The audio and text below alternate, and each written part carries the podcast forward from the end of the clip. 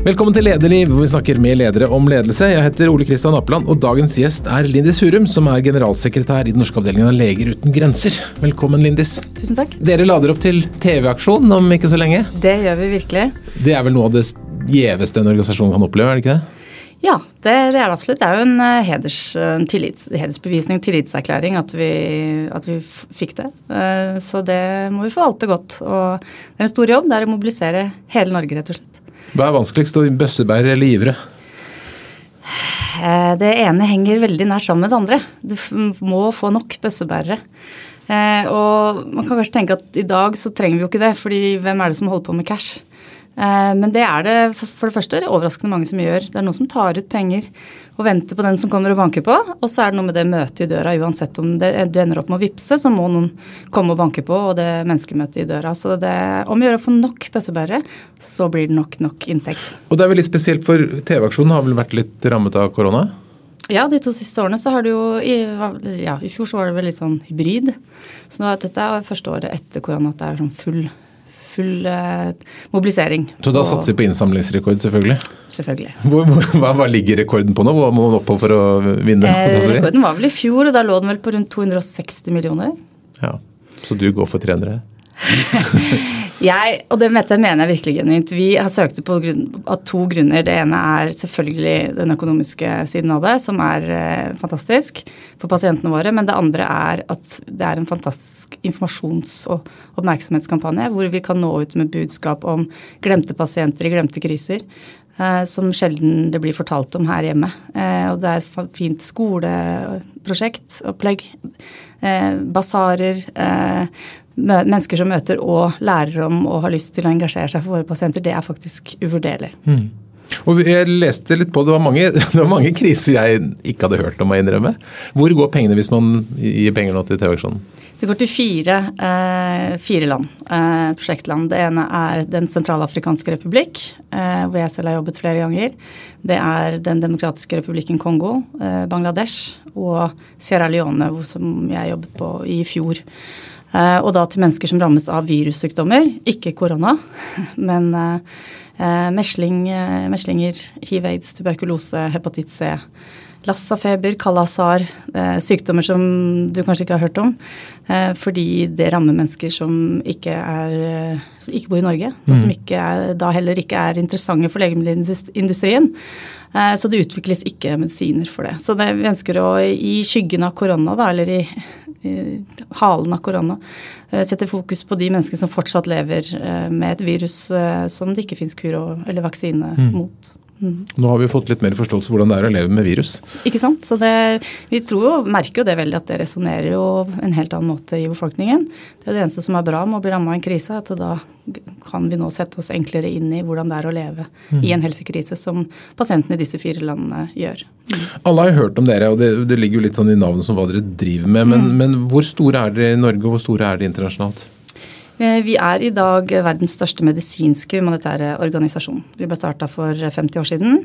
Eh, den norske avdelingen ble starta for 25 år siden. Eh, og ja, vi har rundt akkurat nå når vi sitter her, så er vi på jobb i rundt 70 land.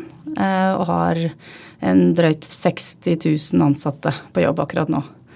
Eh, og her i Norge så er vi et såkalt støttekontor. Vår hovedfunksjon er å eh, samle inn penger, rekruttere helsearbeidere eh, og skape oppmerksomhet om arbeidet vårt og påvirke politisk der det gir mening.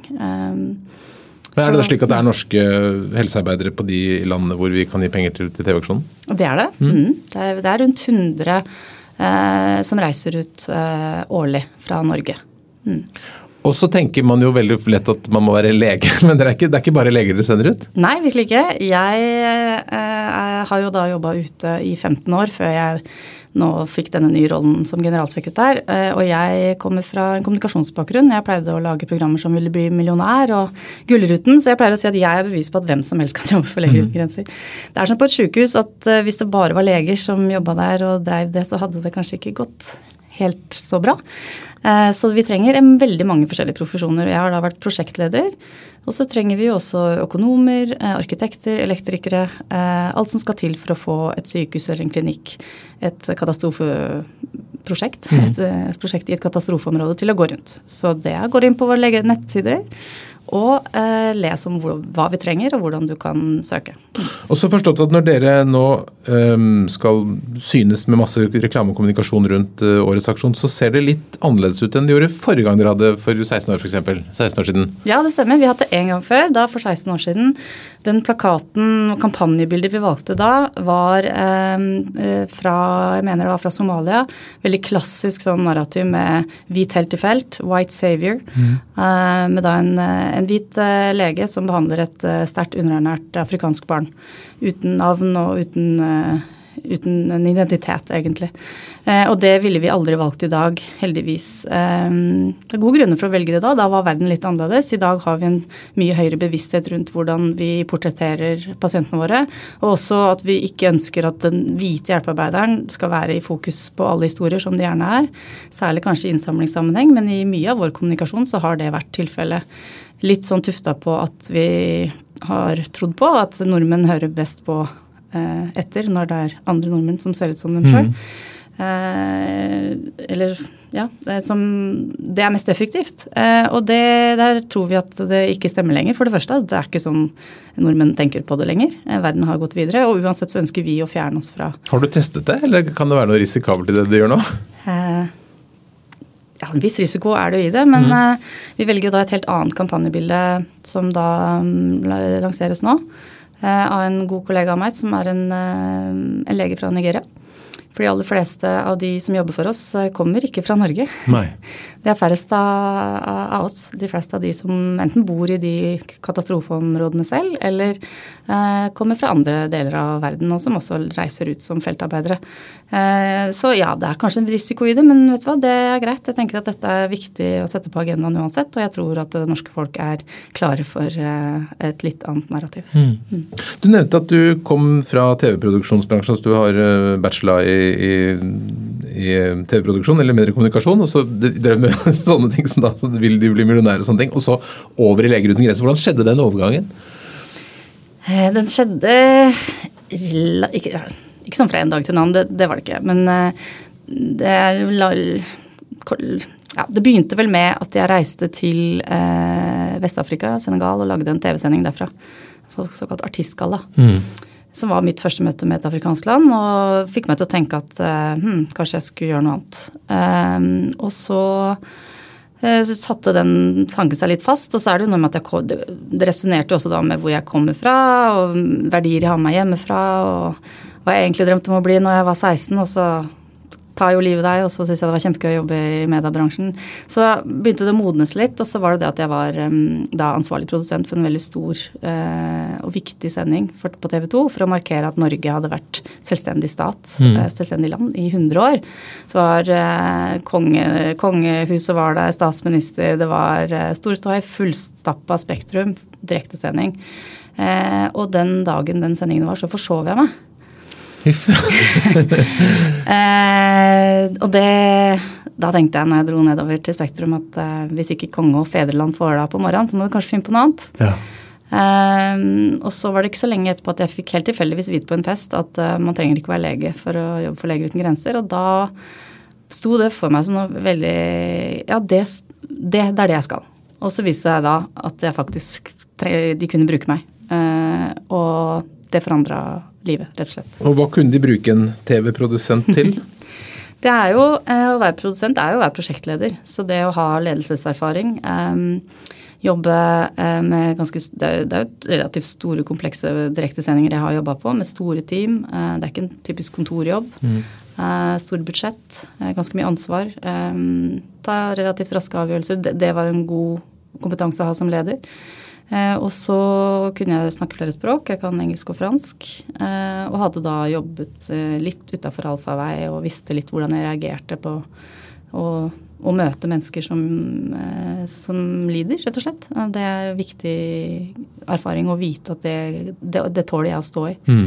Så det var en kombinasjon av de tingene. Men lederskap er noe lederskap. Folk er folk. Og det, det var nok det som var mest av alt grunnen til at jeg ble valgt. At jeg hadde ganske Eh, ja, relativt bred ledererfaring, selv om produktet var ganske annerledes enn mm. et uh, sykehus. Så, ja. Hvor tidlig i livet tok du lederansvar første gang? Um, da jeg var kaptein på håndballaget. Mm. ja, litt sånn. Um, det har jeg aldri tenkt at ja, jeg skal bli leder, at det har vært en sånn bevisst valg, en karrierevei. Uh, kommet litt sånn naturlig opp igjennom. Uh, og da jeg bestemte meg for å prøve meg i TV-bransjen, da jeg gikk jo på universitetet og bestemte meg for ikke ta hovedfag, som det het den gang, mm. men heller uh, begynne å jobbe, uh, så jobba jeg meg relativt raskt opp til forskjellige lederstillinger da, også til da produsent. Og det Jeg trives i det. Mm. Jeg er opptatt av lederskap. Syns det er gøy, interessant, utfordrende å jobbe med team, lag, få, få til ting. så det har kommet ganske naturlig. Eh, ja. Og når du da meldte deg for Leger uten grenser, hva var det første de brukte deg til? Da var jeg eh, på en måte personal- og administrasjonsansvarlig på et sykehus vi drev i Elfenbenskysten. Det må ha vært litt annerledes enn å Det var jo definitivt det. Lage TV? Ja. Jeg husker jo uka før jeg skulle reise, så dro jeg ned på kontoret eh, og så sa jeg jeg tror dere har gjort en feil. Jeg har knapt nok vært på et norsk sykehus, og nå skal jeg altså eh, dra ned dit. Og vi hadde 400 ansatte og et stort prosjekt. Det er, jeg, jeg, pleier å jobbe med kjendiseri og gull og glitter og sånn. Dette går jo ikke. Og da sa det Vet du hva, det er jeg veldig glad for at du sier. Eh, det har vært mye verre om du sa eh, dette kommer jeg til å fikse helt greit. Det å reise ut med litt usikkerhet og ikke minst ydmykhet er viktig. Susanne. bare dra nå, så hvis det ikke går, så får du heller komme hjem. Og hvordan gikk det? Det gikk eh, veldig bra. Altså, om det ikke var første dag, så i hvert fall i løpet av første uka, faktisk, så tenkte jeg ja, det her, det her stemmer. Eh, her skal jeg være. Deilig. Mm. Hva var det som Det må ha vært noen overraskelser kanskje på, i den overgangen? Ja, absolutt. Altså, det er jo bare det å jobbe på et sykehus her i Norge ville jo vært en stor overgang. Og da jobbe på i et vestafrikansk land som hadde vært ramma i krig i mange år. Det var fred da jeg kom dit mm. på det tidspunktet. Eh, så det var jo, sto jo kø, de utfordringene, og det likte jeg jo, da. Og så lik, jeg liker jo da å, å rydde opp litt i kaos. Eh, hvis det blir for eh, ordning og rede. Så det det trigger meg heller det at det er noe jeg skal fikse opp i. Mm. Da må du være på rett sted, for det er stadig det er mye kaos rundt omkring. Ja, absolutt. Mm. Hva, hvordan, når du kommer i sånne situasjoner, hvordan vil du være som leder? Hvordan vil du at du skal, at du skal oppfattes?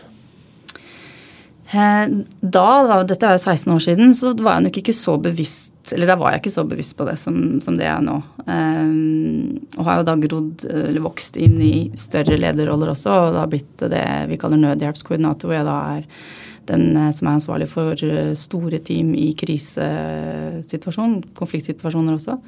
Så, det har jeg nok blitt mer bevisst etter hvert.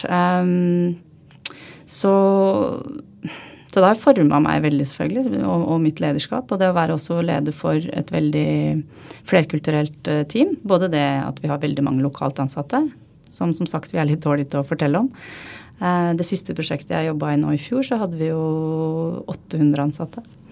I tillegg til et internasjonalt team hvor det da kan være mennesker fra syv, åtte, ti forskjellige land. Og jeg har ikke valgt noen av de, jeg har ikke møtt noen av de på forhånd. Eh, så det har jo forma meg veldig. Og så er det jo ekstreme utfordringer. Altså det, jeg har jo flytta perspektivet på meg sjøl og på verden. Og hva jeg kan og ikke kan for hvert eneste oppdrag jeg har tatt. Eh, så det er ganske sånn ekstrem skole i, i lederskap, mm. egentlig. Mm. Så, så, nå um, er jeg absolutt mye mer bevisst på det. Og det som er aller viktigst, er um, Det som de sa til meg den første gangen jeg skulle reise ut, det er å være ydmyk. Mm.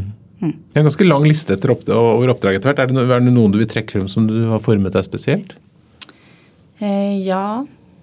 Mm, jeg Det er egentlig fire oppdrag som har forma meg spesielt, og det skrev jeg også en bok om eh, for noen år siden.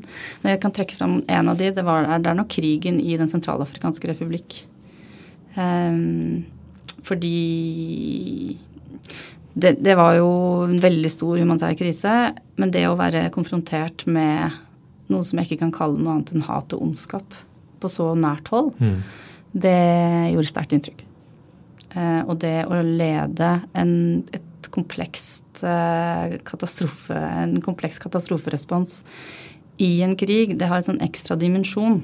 Det er også utfordrende for all del i jordskjelv og ebolaepidemi, men det å være konfrontert med at det er en ond menneskelig vilje bak. Um, gjør det også veldig krevende psykisk. Um, først og fremst for de som rammes, selvfølgelig. De som ikke kan velge å dra, sånn som jeg kan. Uh, nei, det, det, det har forma meg. Og jeg, også fordi jeg opplevde livstruende situasjoner for meg sjøl. Uh, som også har forma meg som, som, leder og blitt veldig bevisst på hvor viktig det er at jeg også snakker om det. Og tør, og tørr ja, egentlig. Fordi legetjenester er jo litt sånn vi skal være litt tøffe, og mm. vi er tøffe. Og vi er relativt mer modige enn kanskje andre organisasjoner. Vi er villige til å ta en større kalkulert risiko for å redde liv. Eh, selv om det har en viss fare for eget liv.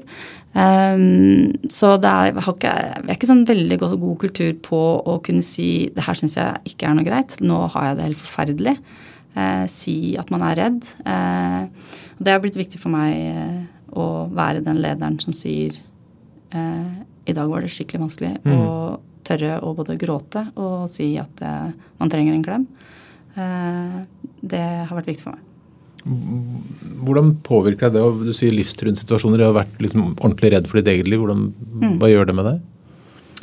Jeg har vært i flere kritiske situasjoner, men én spesielt eh, som, var i det samme landet, Den sentralafrikanske republikk, noen år seinere, hvor jeg var eh, helt sikker på at jeg skulle dø.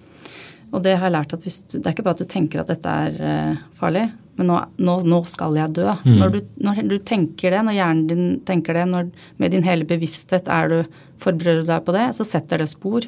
Hva var det som skjedde? den kritiske situasjonen. Mm. vi ble angrepet eh, ved midnatt eh, på basen der hvor vi holdt til, av ti maskerte og tungt bevæpna menn.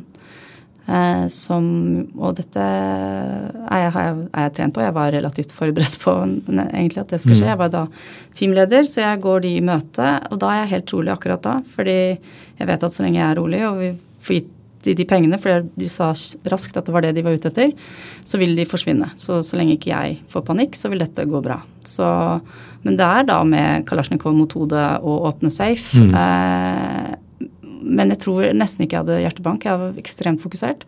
Så var det over, og så dro det ikke. Eh, jeg ble kasta i bakken og etter hvert tatt med i en bil. Og da var jeg helt sikker på at jeg skulle dø. Uh, og det skjedde jo ikke, for jeg sitter her. Eh, men det setter spor, og det gjør at, får, at jeg fikk posttraumatisk stress. Eh, som jeg har fått veldig god kyndig hjelp til å komme over, og som jeg heldigvis lever godt med i dag. Da. Hvor fort kom det? Det, det, kom nok egentlig med en gang, men med adrenalin og alt som skjer etterpå. Og vi måtte evakuere, og det tok en liten uke før jeg var hjemme i Norge. Så da var jeg nok ikke så bevisst. Jeg var mest opptatt av det andre traumet som jeg også fikk, eh, fordi, som, som, jeg, som jeg kaller det traume, da, på en annen måte, fordi ved at det skjedde, så måtte vi dra. Vi måtte evakuere, fordi den avtalen jeg hadde med de eh, væpna eh, grupperingene, den sto tydeligvis ikke ved lag. Så vi var ikke trygge. Mm. Så da måtte jeg da som leder dra på sykehuset vi drev og si om tre timer så er det ikke leger og sykepleiere igjen her. Eh, og det gjorde jo at noen av de pasientene døde. Så da, det er jo i kjernen av, det, av vårt arbeid da, og det største dilemmaet du kan ha, eh, hvor jeg da måtte velge mitt og vårt, eh, mitt teams liv over andres. Det syns jeg i dag fortsatt er tyngre å leve med enn at jeg hadde Kalasjnikov mot hodet. Mm. Men, jeg, men eh, Så det var det jeg tenkte mest på det. Men så kom jeg hjem, og det var rett før jul. Jeg gikk på gata og kjente jeg at jeg var stressa. Jeg hadde jo adrenalin i kroppen fortsatt over en uke etterpå. Og så kom det en mann gående mot meg på gata og i motlys. Og det så ut som han bar på et gevær. I hvert fall så tolka hjernen min at han bar på et gevær. Og da besvimte jeg. Mm. Eh, fordi hjernen min er programmert til å beskytte meg. Eh, så den tolka at nå skjer dette igjen. Det beste nå er ikke verken fight, flight, freeze. Det er å spille død. Eh, og da jeg våkna da og så at han sto over meg med ski, han gikk jo bare på et par ski, så skjønte jeg at eh, nå må jeg hjelpe. Og det får jeg heldigvis eh, da hos Leger uten grenser. Så mm. ja. Som, det har også absolutt forma meg i lederskapet mitt. Jeg er opptatt av ikke å snakke om det sånn for å sette fokus på meg, men for jeg vet at det er andre i min organisasjon, i, i mine team, som kan ha opplevd det samme eller tilsvarende, og som kanskje ikke tenker at det er greit å snakke så mye om det. Mm. Og hvis jeg da snakker om det, så eh, tør andre. Og, og, det er jo vel så viktig som psykologtimen er den kollegastøtten og det eh, samholdet det, det, skaper. da, å, ha de Men endret det noe i måten du vil være på som leder? Eh, nei Det Sånn, sånn i ledergjerningen. typ. Nei, mer sånn i, i, kommunikasjonen kanskje, og veldig bevisst det på å eh, skape de rommene. Ha eh, dette gjelder spesielt ute i felt, da, å ha ukentlige eller i hvert fall jevnlige møter hvor nå skal vi snakke om eh, det jeg kaller the cost of caring. Mm. Hvordan, hva som ikke går så greit. Hvordan vi har det. Snakke om følelser. Snakke om eh, de moralske dilemmaene som vi står i ganske jevnlig eh, i vårt arbeid. Det er ganske vanskelig det vi får til. Ofte er det et valg mellom to ganske dårlige løsninger. Mm. Eh, og som medisinsk personell eh, opplever du jo mye oftere mennesker og pasientene som dør. Eh, noe man jo heldigvis gjør sjelden her hjemme. Så det å snakke om det eh, har vært veldig viktig for meg. Sånn, være, være veldig spesifikk på det. da. Eh, og det merker jeg jo med en gang at det skaper jo tillit. Eh, og da blir vi også sterkere som team. og det Ja. Å tørre å være sårbar har jeg erfart veldig tydelig da, at det styrker meg led, i min lederrolle. Mm. Og vi oppnår bedre ting, og folk har det også bedre. ikke minst. Men ved å reise ut sånn i, i, en rekke oppdrag, så har du på en måte opplevd å bli, være ny som leder og bli kastet ja. inn i situasjonen veldig mange ganger. Mm. Hvilken uh, teknikk eller metode har du for å på en måte etablere deg inn i en lederrolle? Mm. Ja, Det er jo veldig spesielt, faktisk. Ja, at det er ganske sjelden at jeg, kjenner de jeg, de jeg, skal lede.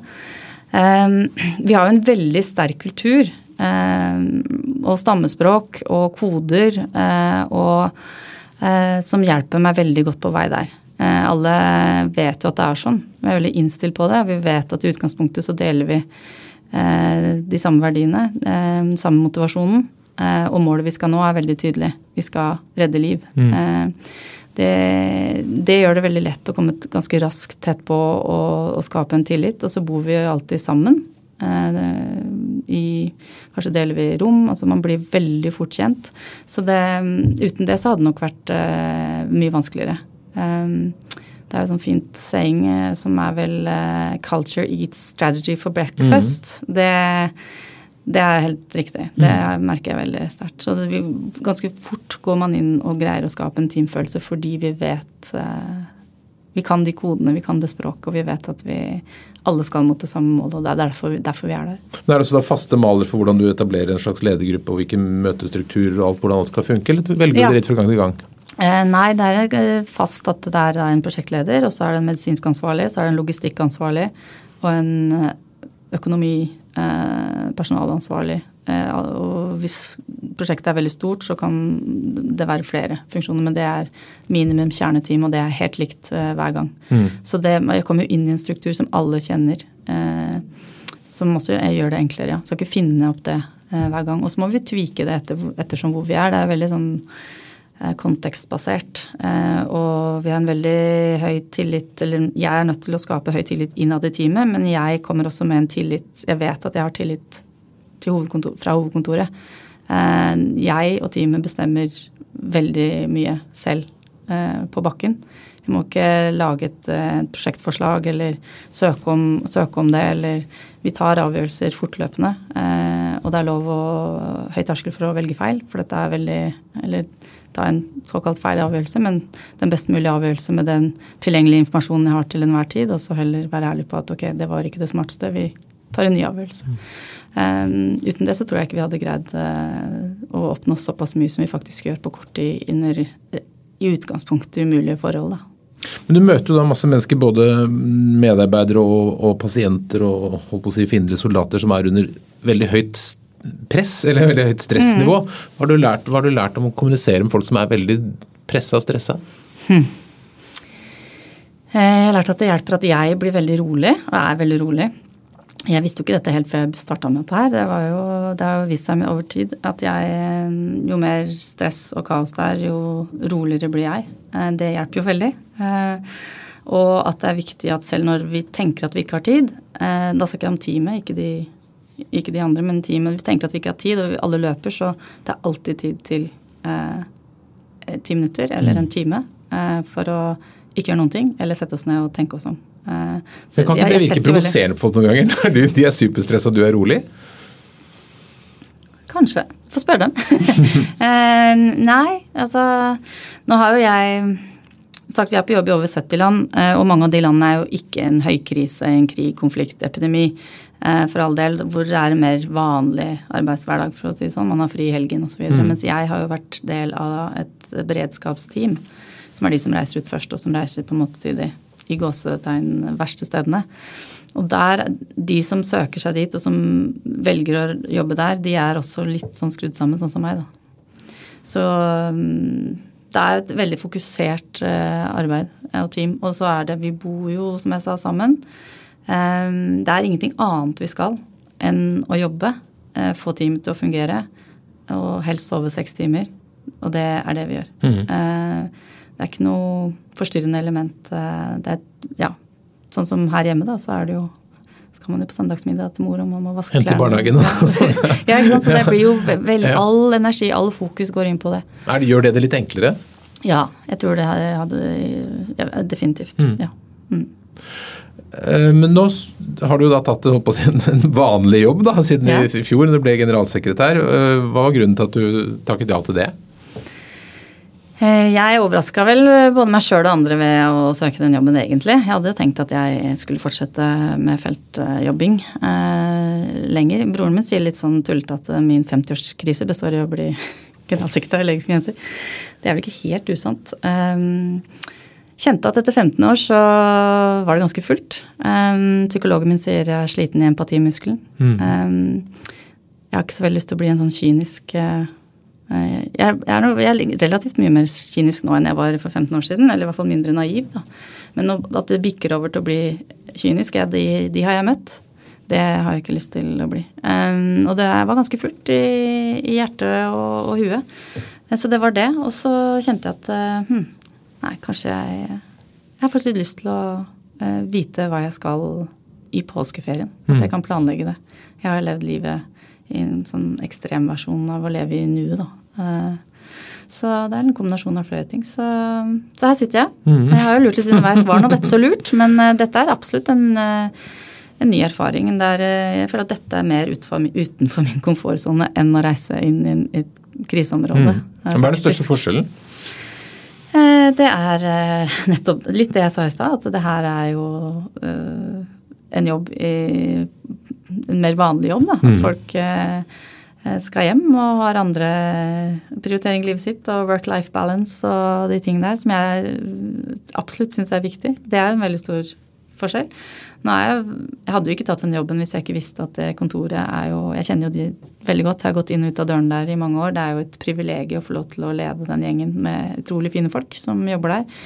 Eh, som også er veldig engasjerte og tror på prinsippene våre og gå på jobb hver dag for pasientene våre. Så, så det, det, er det samme. Men det, ja, jeg må jo sitte i HMS og AMU-møter. Mm. Eh, det er ikke så mye av det i Sierra Leone. Nei. Du sa da du tok jobben at uh, norskavdelingen at det var ved et veiskille. Hva mener du med det? Eh, Akkurat som jeg har en, ikke en 50-årskrise, men det gjør seg noen nye tanker når man uh, runder 50. I hvert fall jeg har gjort. Og organisasjonen er også 50. Og verden ser veldig annerledes ut i dag enn den gjorde da vi starta for 50 år siden. Så vi, uh, litt tilbake til det jeg begynte å si om uh, hvit helt i felt og den biten av det. At vi innser nå at ok, vi har fem hovedkontor. alle sammen er i Europa. nå har vi også prosjekter i Europa de siste årene, men hoved, hovedandelen av prosjektene ligger jo ikke i Europa. Og den strukturen, da, at det er en veldig eurosentrisk struktur, hvor det sitter noen mennesker i Europa og bestemmer hvor, hva vi skal gjøre. Mm. Uh, for å, det er litt uh, generalisering, men det ønsker vi å endre på. Og det er det gode, interessante prosesser på. Uh, men det er, er jo ikke gjort i en fei. Så, så, det går ganske mye på det at når vi velger se 50 år fram, da. Verden mm. er annerledes. De humanitære krisene er annerledes. Vi har blitt en stor, stor, kompleks organisasjon. Hvordan skal den se ut eh, framover? Og det tenkte jeg at det kunne være veldig spennende å være med på. Mm. Uh, mm. Og hva er utfordringene? Hva tenker du er liksom, hva er det du jobber mest for å få til? Den er jeg fortsatt så fersk, må jeg få lov å påberope meg, at jeg er litt i tenkeboksen fortsatt. Også fordi vi har TV-aksjon, mm. som, som, har krevd mye av meg og oss i hele år. Det er mm. et stort rigg mm. som skal forberedes.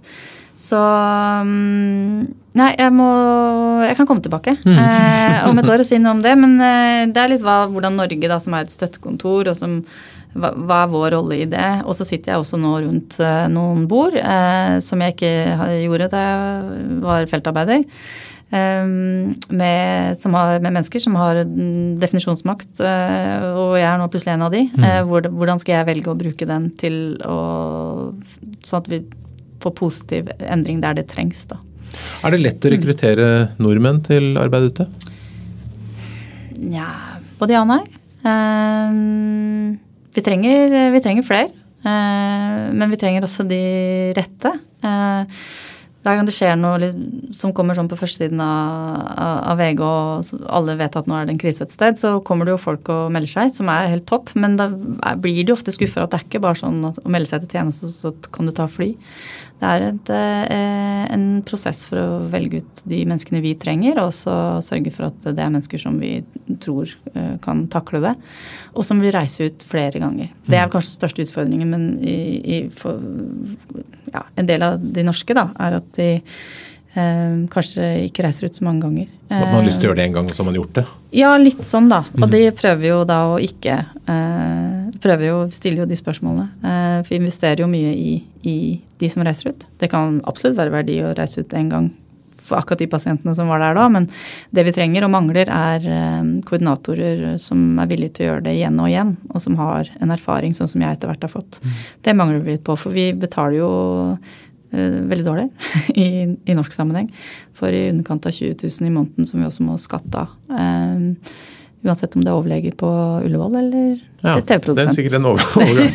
så det, det, krever jo mm. et, en idealisme og et engasjement eh, og en motivasjon som er relativt stor for eh, nordmenn som bor i et land med såpass høyt kostnadsnivå. Mm. Men det må samtidig være en fordel, for da får du de som virkelig vil. Helt riktig. Det er få som gjør det for pengas skyld. Mm. Men øh, hva, hva, bestemmer altså Det er så mye nød i verden. Hva, hva mm. definerer hvor dere skal være hen? Mm. Vi, ehm, ja, som jeg sa, så er vi rundt 70 land nå. Det, er, det forandrer seg jo litt fra år til år. Fordi vi prøver så godt vi kan å basere alt på reelle behov som vi selv eh, har sett. Um, det er noen land vi har vært i i flere tiår, som Kongo. Eh, Demokratiske republikken Kongo. Eller Haiti, vi har også jobba flere ganger. Fordi det er krise på krise. Det er et Systemet er eh, er ikke solid nok til, mm. til, at de greier å ha et helsevesen. Um, så da får vi aldri dratt. Uh, det er jo egentlig en skikkelig dårlig nyhet når vi kommer, uh, og en god nyhet når vi drar. Mm. uh, men vi kunne sikkert vært flere steder. vi kunne sikkert vært annerledes noen steder. Det er, det er et vanskelig spørsmål, selvfølgelig et kjernespørsmål du stiller. Det må være basert på de behovene vi ser på bakken ved å snakke med de menneskene som er ramma. Og vi, vår finansieringsmodell er jo sånn at vi tar ikke imot statlige midler. Eh, og kun har private givere. Som gjør at vi har en veldig stor uavhengighet eh, og spillerom.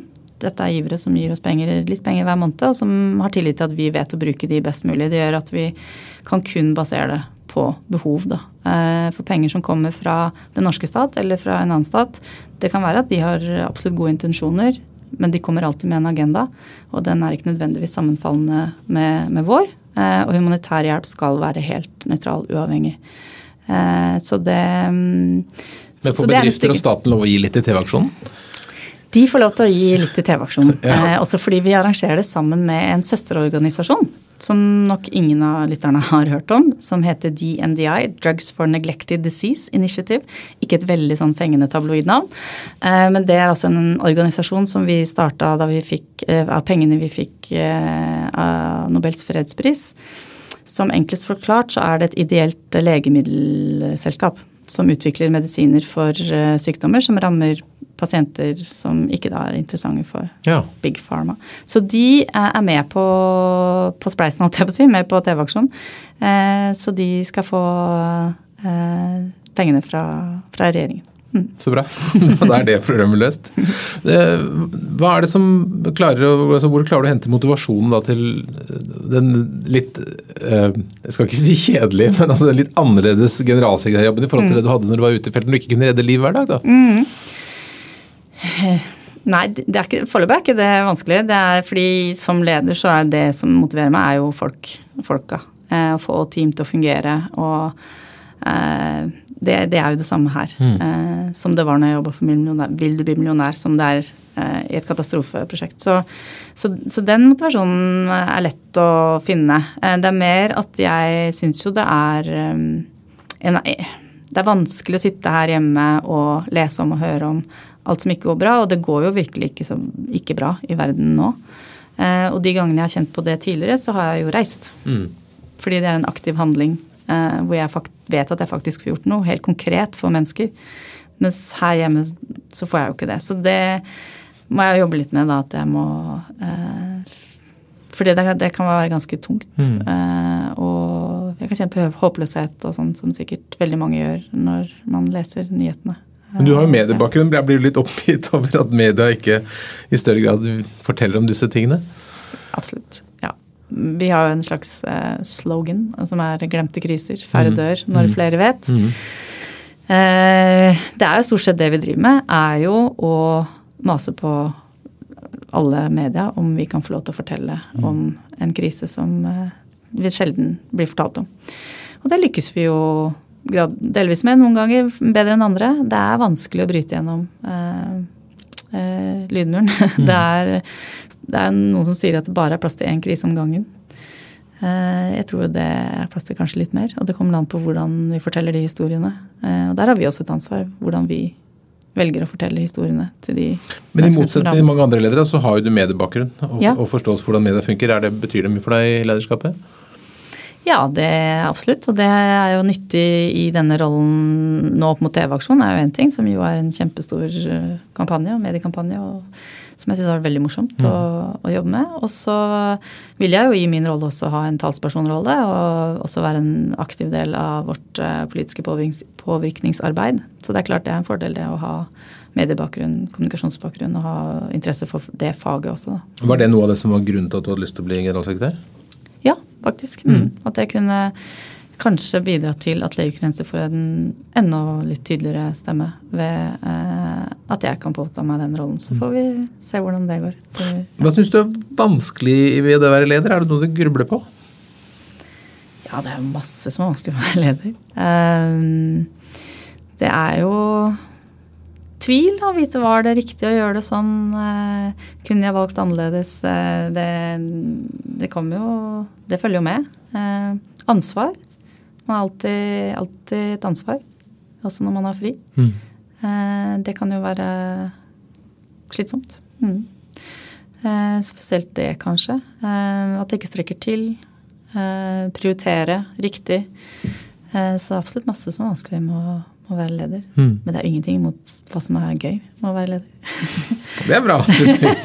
Men, det, det, er jo veldig mye snakk om mangfold, og du, du, du, har jo mye mer erfaring med mangfold da enn de fleste, for mm. du har jobbet med folk med forskjellige etnisitet og religioner mm. og yrkesbakgrunn. Sånn. Er, mangfold en, Blir en organisasjon mer effektiv når det er, når det er mangfold?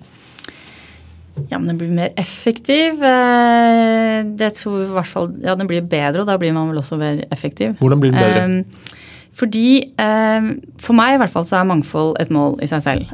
Fordi jeg vet ikke hva jeg ikke vet, som en klok kollega av meg med minoritetsbakgrunn har sagt. Enda jeg etter hvert har jo fått ganske god kompetanse på flerkulturell ledelse og forståelse for hvordan det oppleves. Men jeg vet jo ikke.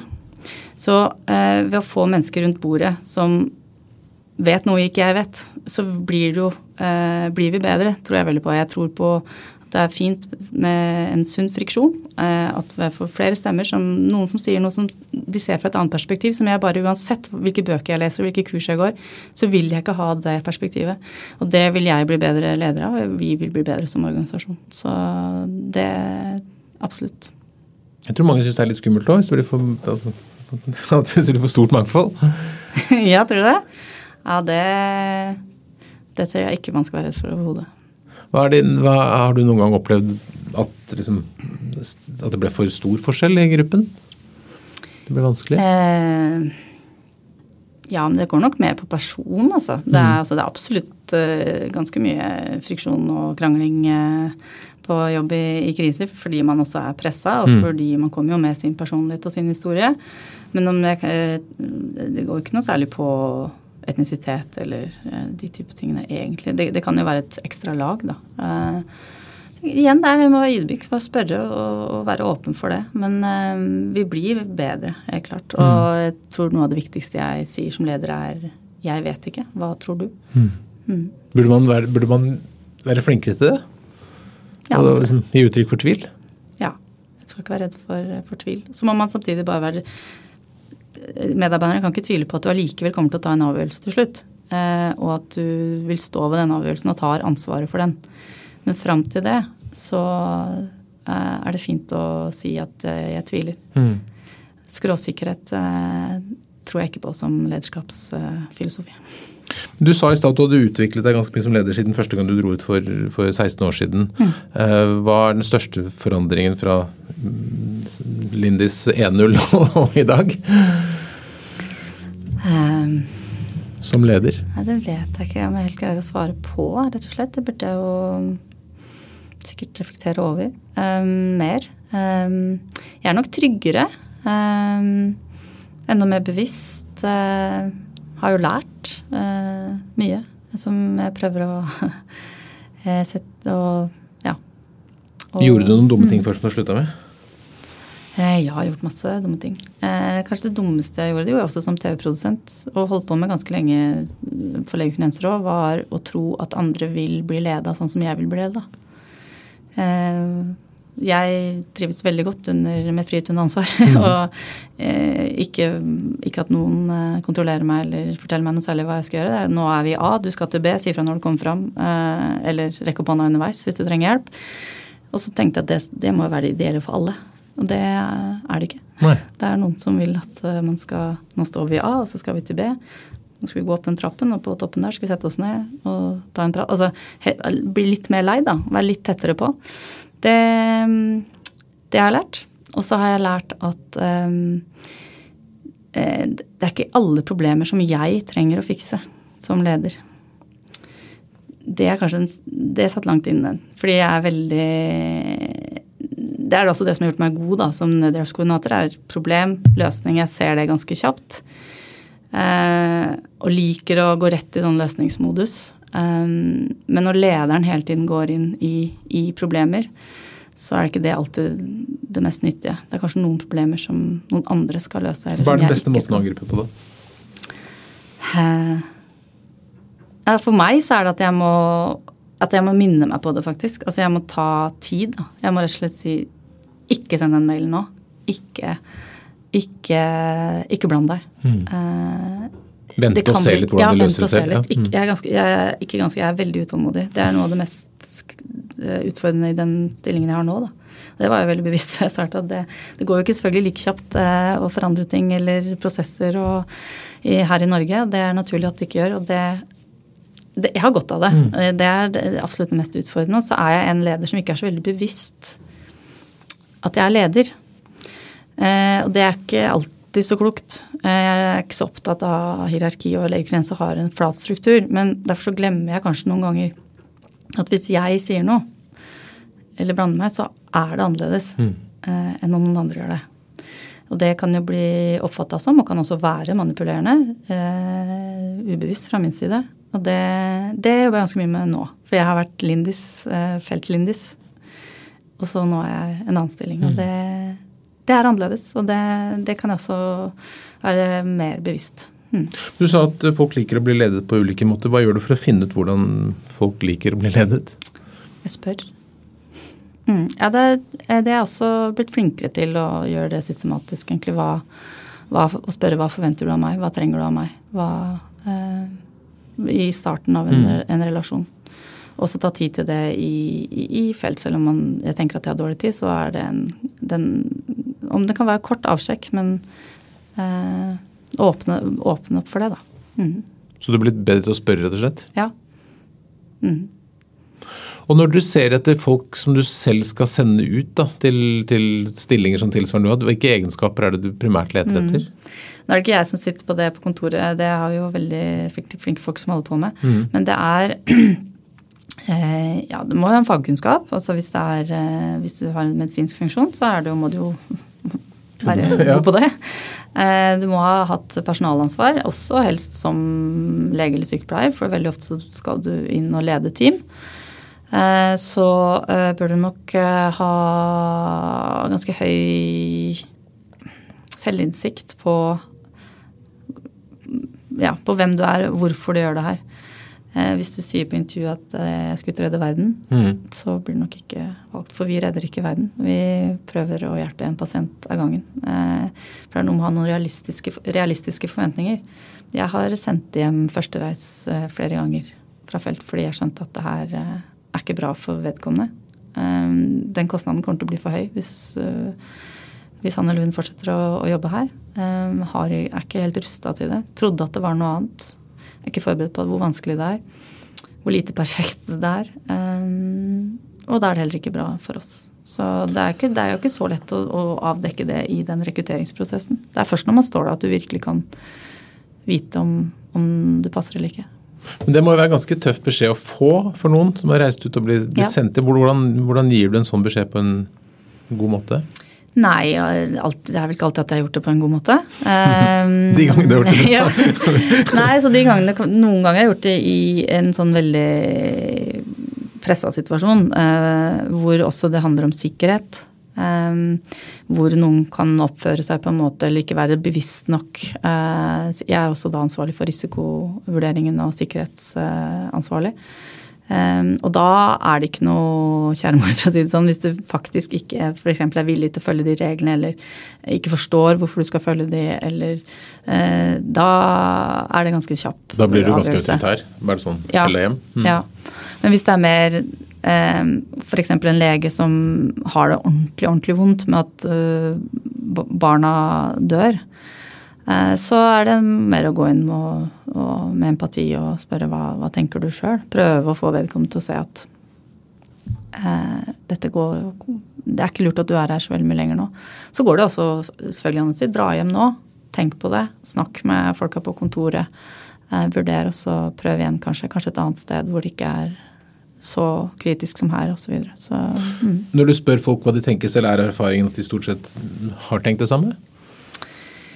Eh, Nei, jeg tror vel kanskje det er bare én en gang hvor det umiddelbart ble sånn og takk for at du sier det. det var, ja, og så eh, Ellers er jo det en, et, vil nok det oppleves som et, et nederlag. Men da er det også et mottaksapparat. eller det, det er jo noen som venter eh, her eller det kontoret man har reist ut fra, som kan debrife og, og ja, ta vare på vedkommende. Så nei, det er, det er ganske tøffe avgjørelser. Mm. Sånn avslutningsvis, eh, Lindis, hvis det kommer en ung person til deg og sier jeg har lyst til å bli leder, sånn som deg, og kanskje ut i feltet, hva er de tre viktigste lederrådene vi gir for at man skal lykkes som leder? Det er å lytte. em, tørre å være sårbar. eh, og eh, si 'jeg vet ikke'. Det var ganske uvanlig råd. Ja. Jeg tror de aller beste teamene, eller de, som, de teamene som jeg, jeg har sett fungere best, er når det er en veldig høy grad av tillit eh, alle veier. Eh, og jeg er helt overbevist om at du bygger tillit ved å bruke de tre rådene. Eh, og, og fordi det ja, vi gjør også at jeg anerkjenner at teamet har masse kapasitet. De kan mange ting. Eh, og da det, det skaper tillit, da.